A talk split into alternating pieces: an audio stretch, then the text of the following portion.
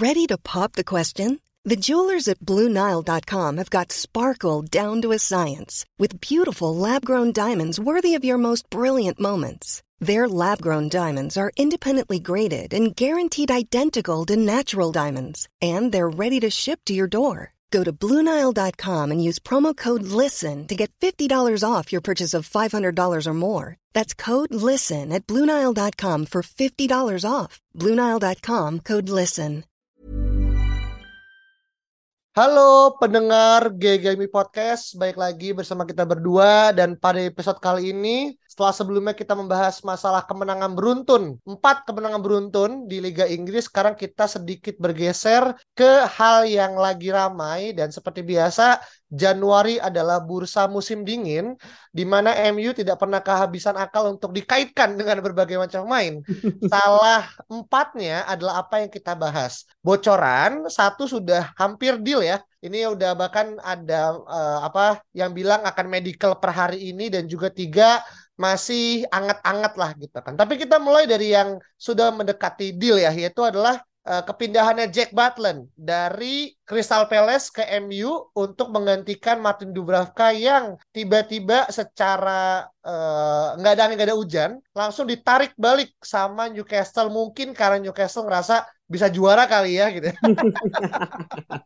Makanya gue tarik-tarikin deh gitu kan. Nah bicara masalah Jack Butland ini bukan nama baru ya Vin. Maksudnya Ya, ya, kita ya. udah kenal dia bahkan di FIFA ya gitu kan. Hmm. Dari dia masih pemain youngster gitu kan dianggap sebagai ya next goalkeeper inilah ya uh, pemain bagus segala macam dan akhirnya sekarang usia 29 tahun gitu. Nah, lo melihat kepindahan du, uh, Butland ke MU gitu kan sebagai kiper pelapis nomor 2 gimana akhirnya bisa lo tanggapin? Kalau transfer sekarang ya di tahun 2023 ini sih buat gue transfer nggak jelas gitu loh karena karena gue tuh berharapnya Butland ini memang waktu itu bersinar itu kan udah lama ya 2015 kalau nggak salah Hmm. Dulu tuh dia di Birmingham, kemudian dia tuh dibeli sama Stoke City kalau nggak salah dan prospek cerahnya tuh di situ sebetulnya untuk menjadi kiper nomor satu Inggris pada saat itu. Cuman entah kenapa kayak di Stoke dia nggak terlalu bagus, cedera atau apa pun itu. Jadi dia tuh gua lihat ya di transfer market itu dia berapa kali di loan ke sana sini gitu. Termasuk akhirnya sampai akhirnya dijual ke Peles dan di Peles pun juga dia nggak hampir nggak pernah main kan. Jarang banget dia main. Musim lalu di IPL pun dia main kayak cuma ya nggak nyampe 10 ya. Dan nggak tahu ya kalau misalnya di piala-pialanya. Dan musim ini ternyata uniknya musim ini tuh dia sempat main di uh, preseason pas lawan kita Iya. Kalau skornya berapa ya? Kita menang 2-1 apa apa 2-0 gitu, gue lupa. Dan kipernya tuh si Butland itu gitu. Jadi um, sejujurnya gue pun nggak tahu ya permainannya kayak apa. Cuma tadi pas gue lihat di YouTube juga ya kiper pada umumnya lah menurut gue ya nothing special dan kayak apa ya gue ngelihat ini agak sedikit downgrade dari Martin Dubravka ya yang gue kecewa banget kayak lu kenapa cabut sih? Gitu. Ada yang bilang diambil sama hmm. Newcastle karena takut dia MU jadi kompetitor kan. Dan di Carabao yeah. kan juga Newcastle masih ada gitu. Mungkin dia takut kayak wah ini dengan gua mas uh, minjemin Dubravka nanti malah MU juara dengan Dubravka gitu kan. Sedangkan gue tersingkir gitu kan. Bisa juga kan iya iya iya ditarik kembali. Atau bisa juga memang Dubravka ada yang bilang Dubravka ini juga dialah yang meminta untuk Newcastle ngambil dia lagi gitu. Hmm. itu gua nggak tahu sih benar apa enggak tapi kayaknya agak coward aja sih dari Dubravkanya gitu. Karena sama-sama nggak main juga gitu loh. Ya kan? Nick Pop juga menurut gua untouchable. Di sini uh. David Dea juga untouchable cuma lu dapat exposure di sini gitu. Dan dapat apa ya kayak ya pengalaman baru lah dan lu di MU man gitu. Kayak aneh aja menurut gua nggak make sense kalau yang kedua. Gue hmm. lebih yakin yang pertama gitu. Jadi balik ke Jack Butland ini agak downgrade karena dia hampir jarang main dan ya buat sekedar kiper kedua agak aneh juga ya kalau Ten Hag ini nggak percaya sama Hitten tapi lu percaya sama Jack Butland gitu loh yang nggak pernah main juga gitu loh kayak men men mending hitan aja gitu loh. Kalau misalnya ujungnya lu ambil Jack Butland gitu ya gue nggak tahu ya. Menurut hmm. lu gimana? Iya iya memang ini sebenarnya rumor transfer yang out of nowhere ya. Maksudnya kita paham kalau ini adalah reaktif transfer ketika memang Dubravka cabut ya mau nggak mau mungkin Ten akan mencari kiper kedua dan harusnya kalaupun menggunakan paradigma yang sama kalaupun menggunakan reaktif Ronaldo yang harus pengganti Ronaldo yang harusnya dicari iya. gitu. bukan pengganti Dubravka yang secara prioritas sebenarnya nggak terlalu urgent banget toh juga di pertandingan Karabau dan juga FA DG tetap beberapa kali main juga kan. Jadi menurut gue nih agak something yang penting nggak penting tapi prioritasnya agak lebih rendah lah dari apa yang harus kita cari itu adalah striker itu sendiri gitu. Nah nanti kita akan bahas ya masalah striker. Tapi kalau ngomongin masalah Batland ya, dia kan sebenarnya kalau kita salah satu prestasi dia yang paling tinggi adalah dia tuh dipanggil ke skuad Inggris di Piala Dunia tahun 2018. Iya, iya. yang yang paling ini ya, yang paling uh, apa paripurna gitu ya untuk Batland gitu kan. Karena saya itu mungkin usianya masih 25 ya berarti ya kan 4 yeah, tahun yeah. yang lalu gitu kan. Jadi masih ya optimal-optimalnya lah gitu. Dan meskipun gue paham ya kiper tuh kan semakin tua harus semakin jadi ya. Kayak Edin van der Sar gitu kan, Peter Schmeichel gitu. Tapi ya kita nggak bisa bandingin Peter Schmeichel dan juga Jack Butland gitu. Karena itu dua hal yang berbeda. Tapi ya ini buat gue memang agak semi anomali, semi-semi suspicious gitu. Karena gue semoga ya, semoga tidak karena England pride ya. Jadi kan jadi salah satu ini kan Butland kan orang Inggris gitu kan. Dan MU juga akan apa ya bisa dibilang mengcover ya salarinya gitu kan sampai dengan akhir musim gitu. Dan gue sih sangat uh, sangat yakin ya paling cuma sebagai sebagai apa ya angin-anginan aja lah gitu dan ngerasain gimana dapat juara gitu kan in case MU juara FA gitu yeah. atau Carabao gitu kan jadi ya lebih kepada gitu sih. Tapi lo melihat secara kapasitas gitu kan dari angka 0 sampai 10 kira-kira Butland tuh di angka berapa? Dan kalau secara tipikal dia tuh apakah lebih yang shop stopper gitu? Dalam arti ya nggak ada beda sama De Gea gitu kan. Mungkin level lebih lebih bawah. Atau lu ngerasa Butland ini bisa jadi salah satu alternatif untuk menggunakan uh, tipe Ten Hag yang lebih suka untuk bermain dari bawah, Vin? Kalau yang gue lihat ya di YouTube kan ada sedikit analisisnya ya. Itu hmm. salah satu kelemahan dia adalah kicking, yang mana kayaknya nggak cocok sih dan gue nggak melihat banyak klip di mana dia build up dari belakang gitu ataupun bermain dengan sistem yang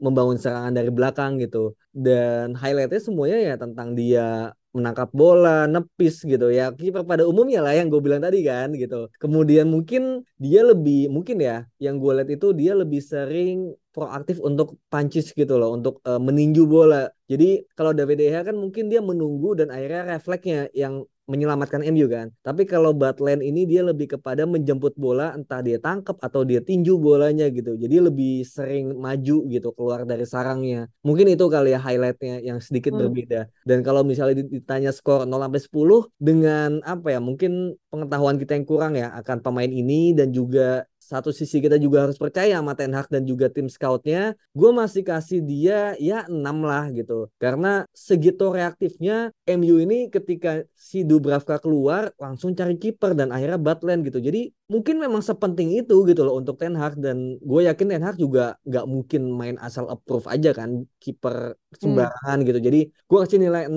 lah Oke, okay.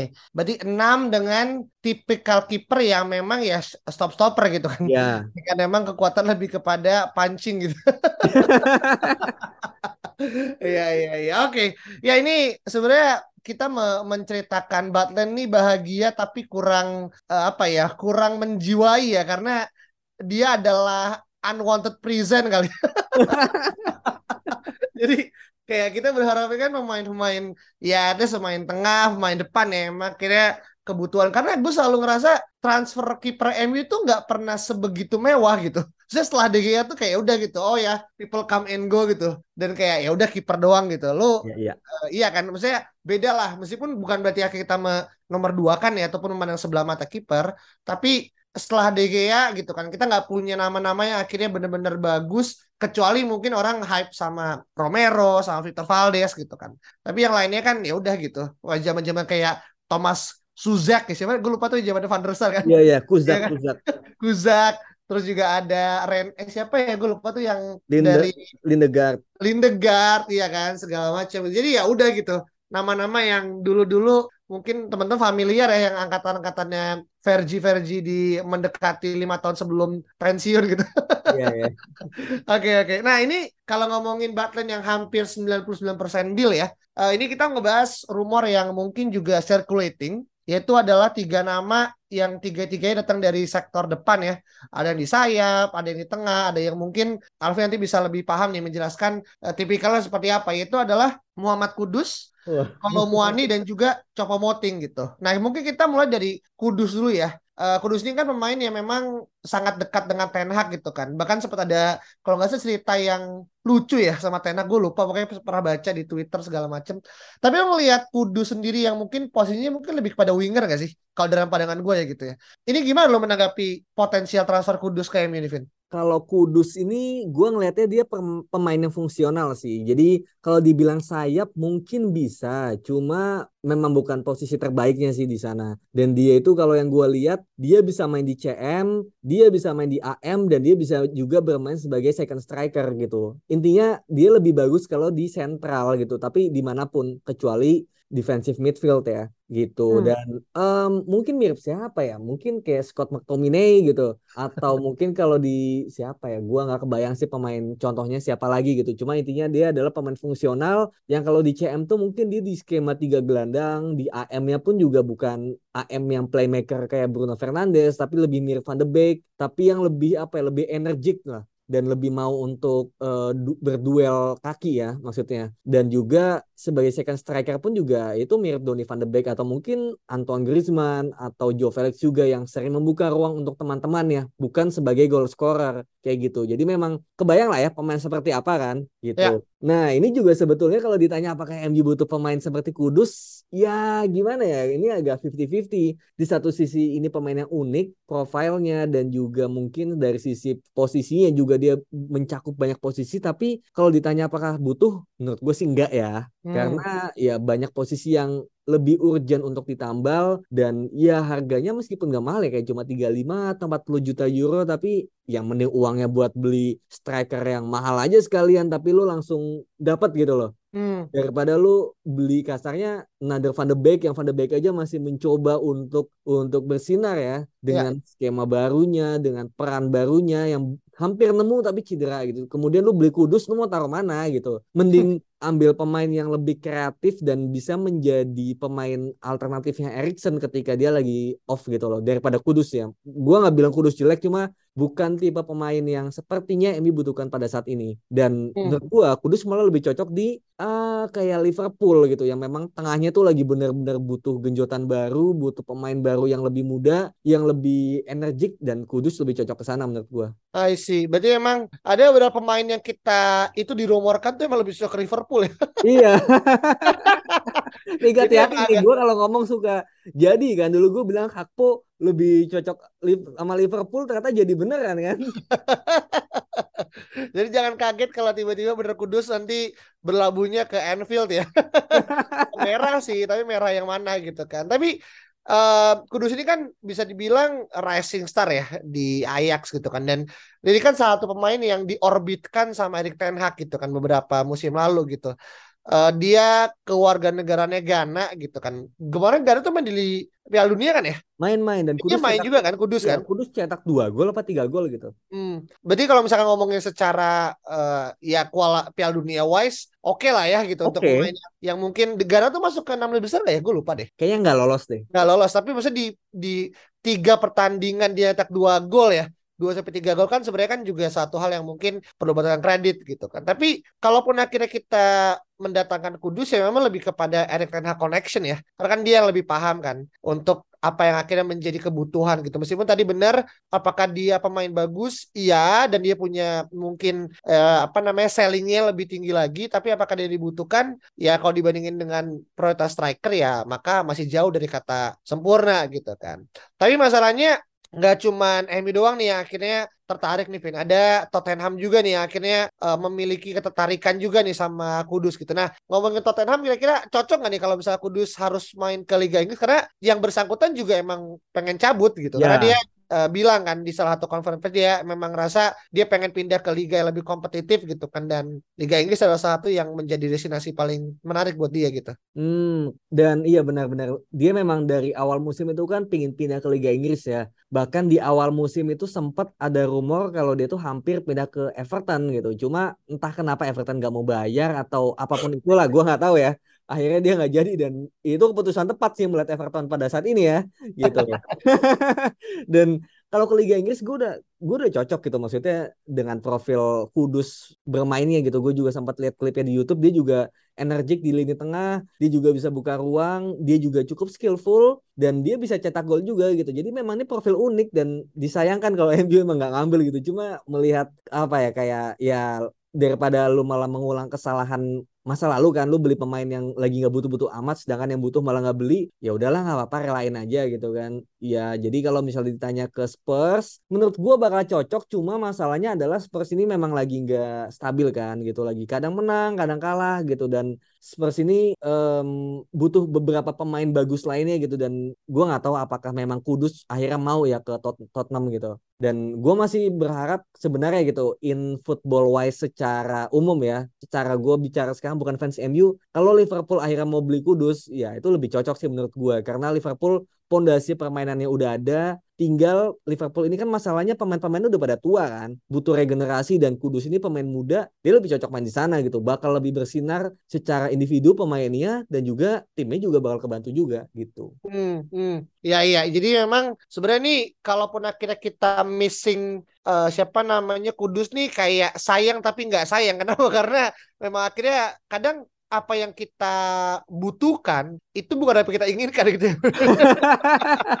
nah kudus ini adalah apa yang kita inginkan tapi belum kita butuhkan. Nah, ini yang mungkin beberapa kayak kita sempat bahas masalah uh, Bentakur gitu kan. Kita bahas masalah Gakpo, kita bahas masalah beberapa pemain lah yang menurut gue menurut kita kita paham kalau ini pemain datang ke MU itu squad akan lebih cantik akan lebih dalam gitu kan. Tapi masalahnya kan uh, real football is not FIFA kan. Lu nggak bisa akhirnya yeah, menaruh yeah. pemain dalam satu porsi yang sama tanpa mempertimbangkan berbagai macam pertimbangan gitu. Nah, ini juga menarik karena ternyata berbicara masa pertimbangan gitu. Ini juga dari galau nih. Itu adalah Chopo Moting gitu. yang ternyata gue baca barusan minggu lalu apa eksekutif direkturnya eh sport eksekutif direkturnya Bayer ya Hasan Salihamizik gitu kan. Dan juga technical director Marco uh, Nepe itu ketemu sama bapaknya yang juga agennya uh, Cepo Moting gitu kan. Yang mana katanya sih berjalan lancar tapi gitu kan uh, bapaknya tuh pengen mengatakan kalau Cepo Moting tuh nggak pengen jadi backup dalam arti nggak pengen jadi striker yang menjadi pilihan nomor dua gitu kan dan juga pengen mendapatkan kenaikan gaji gitu oh, nah iya. gue udah udah paling gak suka nih kalau udah ngomongin masa kenaikan gaji, M itu jadi jadi klub yang disangkut tautin gitu. Karena ini jadi salah dua hal yang memang jadi apa ya dilematik gitu kan. MU klub kaya iya, tapi nggak sekaya itu gitu. Iya yeah, yeah, yeah. kan. Nah, lu ngelihat Copa Moting 33 tahun gitu kan. Yang memang selalu berada di bawah, bawah di bawah bayang-bayangnya Lewandowski ya uh, beberapa musim lalu gitu kan. Tapi sekarang ketika Lewan pindah gitu kan otomatis hanya Mane ya yang benar ditaruh sebagai main striker gitu kan. Lo ngeliat gimana nih akhirnya Copa Moting sebagai seorang profile? Waduh, Copa Moting ini, aduh gimana ya? Menurut gue emang agen yang keren sih gitu. Dalam arti ini pemain biasa aja dan gue tuh udah tahu dia dari dia di Stoke City gitu kan di Liga yeah. Inggris kayak ini pemain gak jelas gitu kan. Tiba-tiba dia ke PSG, dia bisa kasih impact meskipun dari bench dan tiba-tiba ke Munchen gitu kan. Dan ternyata di Munchen juga bukan yang nggak kepake gitu. Dia kepake meskipun sebagai backup. Dan ketika Lewandowski cabut kemudian nggak punya striker Mane mungkin juga lebih sering di sayap kemudian Sane belum apa ya belum dapat formnya juga Gnabry lebih sering di kanan gitu. Kemudian Musiala juga lebih sering di AM karena Muller mungkin juga udah mulai menurun. Dan akhirnya striker ini ya jatuh kembali coba moting gitu. Dan dia sempat cetak gol beruntun berapa pertandingan beruntun gitu di Liga Jerman musim ini gitu. Jadi ini pemain memang oke okay gitu loh pada saat ini di Bundesliga dengan Bayern yang lagi baru bermain secara baru lah kasarnya gitu kan Lewandowski cedera kemudian harus membuat skema baru kan sistem baru dan menurut gue ya Coba Moting ini bagus ketika memang timnya udah stabil gitu. Udah bisa disokong dari segala sisi, stabil dari uh, kiper, back, gelandang, sayap dan dia adalah pelengkapnya gitu. Sama lah kayak Van de Beek menurut gue ya kasusnya. Dan Van de Beek ini nggak bagus karena ya memang dia bermain di tim yang saat ini masih berkembang, masih menuju tim seperti Bayern gitu. Jadinya dia belum bisa gitu loh. Dia belum bisa membantu. Dan menurut gue kasusnya akan sama dan coba moting ketika ke MU dia malah nggak akan dapat servis seperti di Bayern gitu karena pemainnya masih bongkar pasang, masih belum stabil gitu. Jadi gue sih big no ya mencoba moting bukan berarti dia sejelek itu tapi memang dia adalah pemain pelapis yang memang harus menerima role-nya seperti itu dan bapaknya juga nggak tahu diri juga ya gitu kan. ya kan setiap bapak kan ingin yang terbaik buat anaknya. ya, ya, ya, ya, ya sih sama kayak ibunya Rabio kan. Iya kan. Ya, memang orang tua ya, ini iya. kadang-kadang menjadi ini ya apa namanya penghalang karir juga kan. gitu.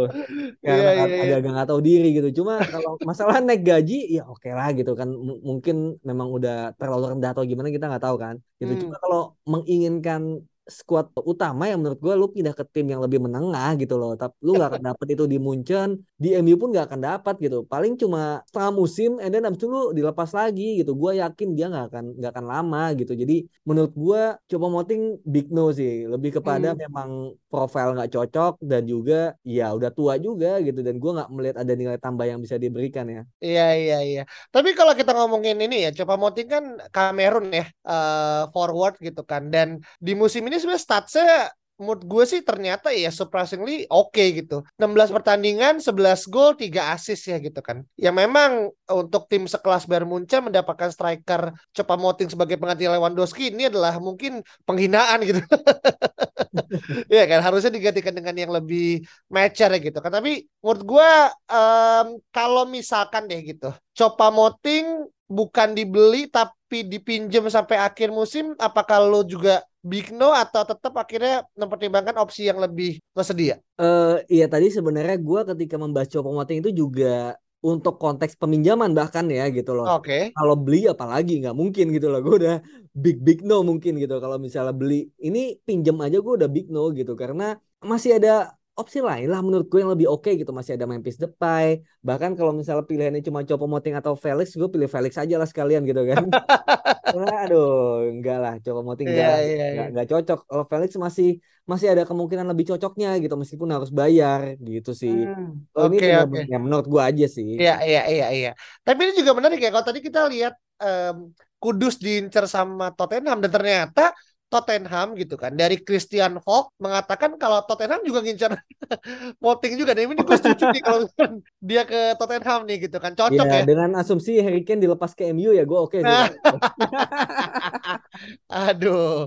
Nah ini jadi satu hal yang sebenarnya juga deadlock ya. Karena coba Moting kan kontraknya berakhir di akhir musim kan. Betul dan mau nggak mau ya lo harus nge-trigger kontrak extension biar apa? Biar nggak gratis gitu kan. Dan gue sih cukup yakin uh, Bayern kan klub yang menurut gue satu yang terpintar ya. Maksudnya selain mungkin Ajax ataupun Dortmund yang akhirnya menghasilkan uang tersebut tapi kan dia kan satu uh, tim yang sangat hemat ya. Budget salarinya segala macam kan dia nggak pengen apa segala macam. Kan itu yang menurut gue gue selalu sama uh, Munchen. Tapi baik lagi karena mungkin datangan Mane kali ya yang cukup akhirnya membuat struktur gaji dibayar agak cukup berantakan gitu. Iya iya iya. Jadi ini yang mungkin akhirnya ngebuat percikan-percikan letupan apa ya mungkin pengen naik gaji segala macam jadi masalah gitu. Tapi hmm. oke okay lah kalau masalah dibayar dibayar kalau udah dia minta naik gaji sih agak sulit ya gitu. Biasanya nah, lepas aja. Benar. Sebenarnya sama juga kayak Liverpool kan konteksnya kan. Yang segala meskipun akhirnya dia melunak pada salah ya. Tapi yeah, yeah. gua beberapa tim memang akan sangat strict dengan struktur gaji karena kan ini berkaitan dengan bahasanya kan OPEX ya, operational uh, expense lo gitu kan. Dan dan itu juga akhirnya lihat pada pemainnya seperti apa, apakah dia masih punya nilai jual apa enggak gitu. Jadi hal kayak gini yang mungkin cuma motifnya juga perlu tahu diri ya, dia bukan Zlatan ya, bukan Cavani gitu, dia bukan Ronaldo. Jadi kalaupun akhirnya mau ya lebih kepada backup. Meskipun ya gue ngeliat sedikit dia tuh mirip kalau posturnya kayak Jiru kali ya. Besar gitu kan. Iya. Yeah. gue sih besaran siapa cuman ya kalau harus milih Giru ataupun ini ya terpilih Giru ya. Ya kan itu jadi salah yeah, iya. satu segala macam. Nah Uh, ini mungkin yang terakhir ya, menurut gue cukup exciting juga, bahkan lebih exciting daripada yang dua sebelumnya, itu adalah Kolomuani gitu kan. Yang mana kita tahu, mungkin beberapa orang tahu Kolomuani ketika melihat Prancis ya, Vin ya, yeah, di yeah. World Cup gitu kan, dan dia sempat hampir mencuri perhatian ya, kalau tendangannya tidak diblok ya sama uh, uh, Martinez ya yeah, di iya. menit yeah. akhir gitu kan. Dan gue yakin kalau itu gol, harganya dia itu naik dua kali lipat.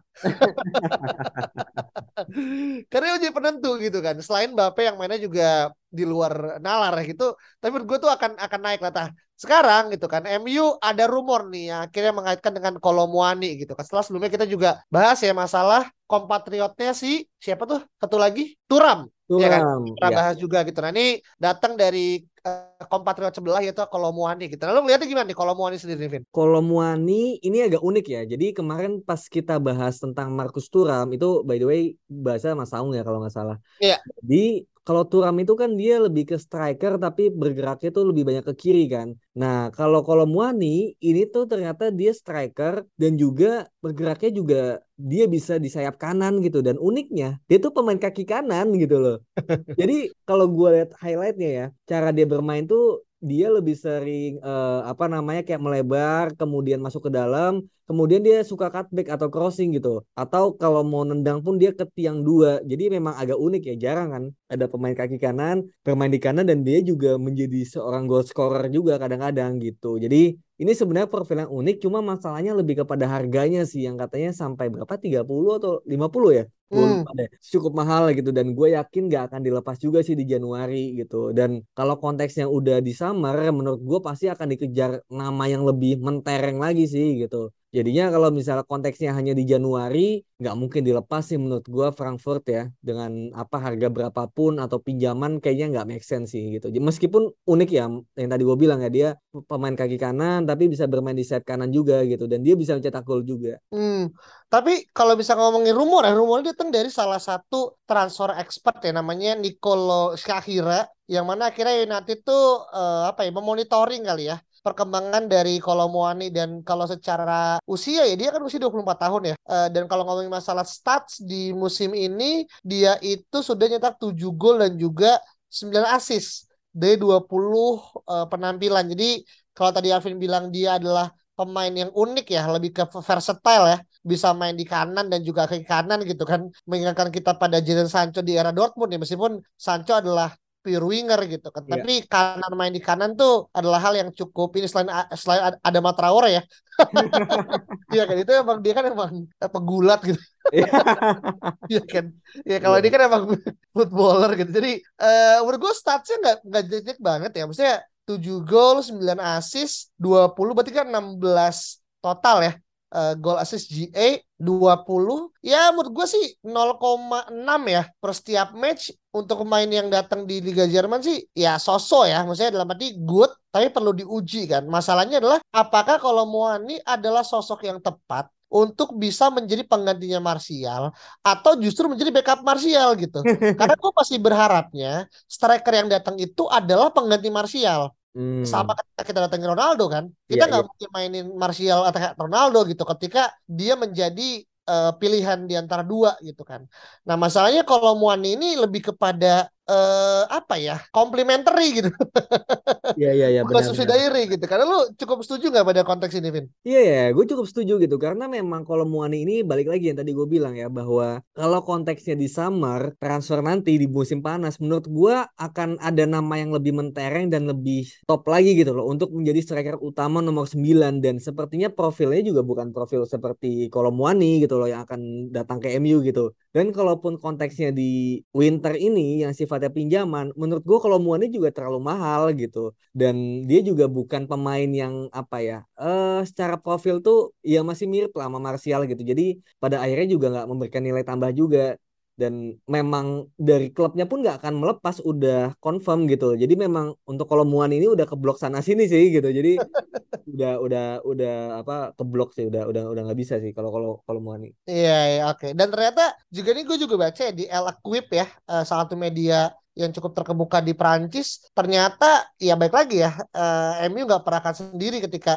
mengincar orang gitu. Nah kalau tadi kita bersaing atau calon saingnya kita adalah Tottenham yang mana mungkin masih sosok-sosok. Nah ini gue cukup yakin kalau ini barang ini di apa ya dimonitor sama Munchen dan ternyata Munchen akan ngincer juga gitu. Iya iya iya. Kita ya, pasti akan udah kalah udah kalah secara semuanya.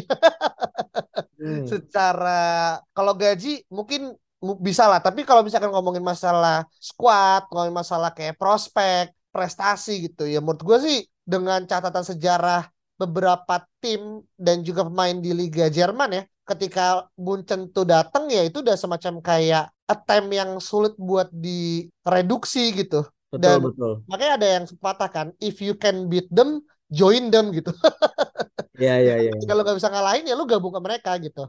Nah menurut gue sih ya kemungkinan besar kalau Muani akan berlabuh di uh, Bayern Munchen dan dia bilang dia nggak akan ngebit di Januari, dia akan ngebit di akhir Januari eh di eh, nanti di summer gitu kan. Di mana menurut gue sih dia juga paham ya. Oke, lu nggak mau ya nggak apa-apa gitu. Tapi lu lu juga bukan tipe pemain yang akan menjadi hot prospect gitu. Dan gue setuju apa kata lo gitu kan. Ketika nanti di bulan uh, Juni ya, ketika bursa terus dimulai, gue cukup yakin ada beberapa nama yang akan mencuri perhatian gitu kan.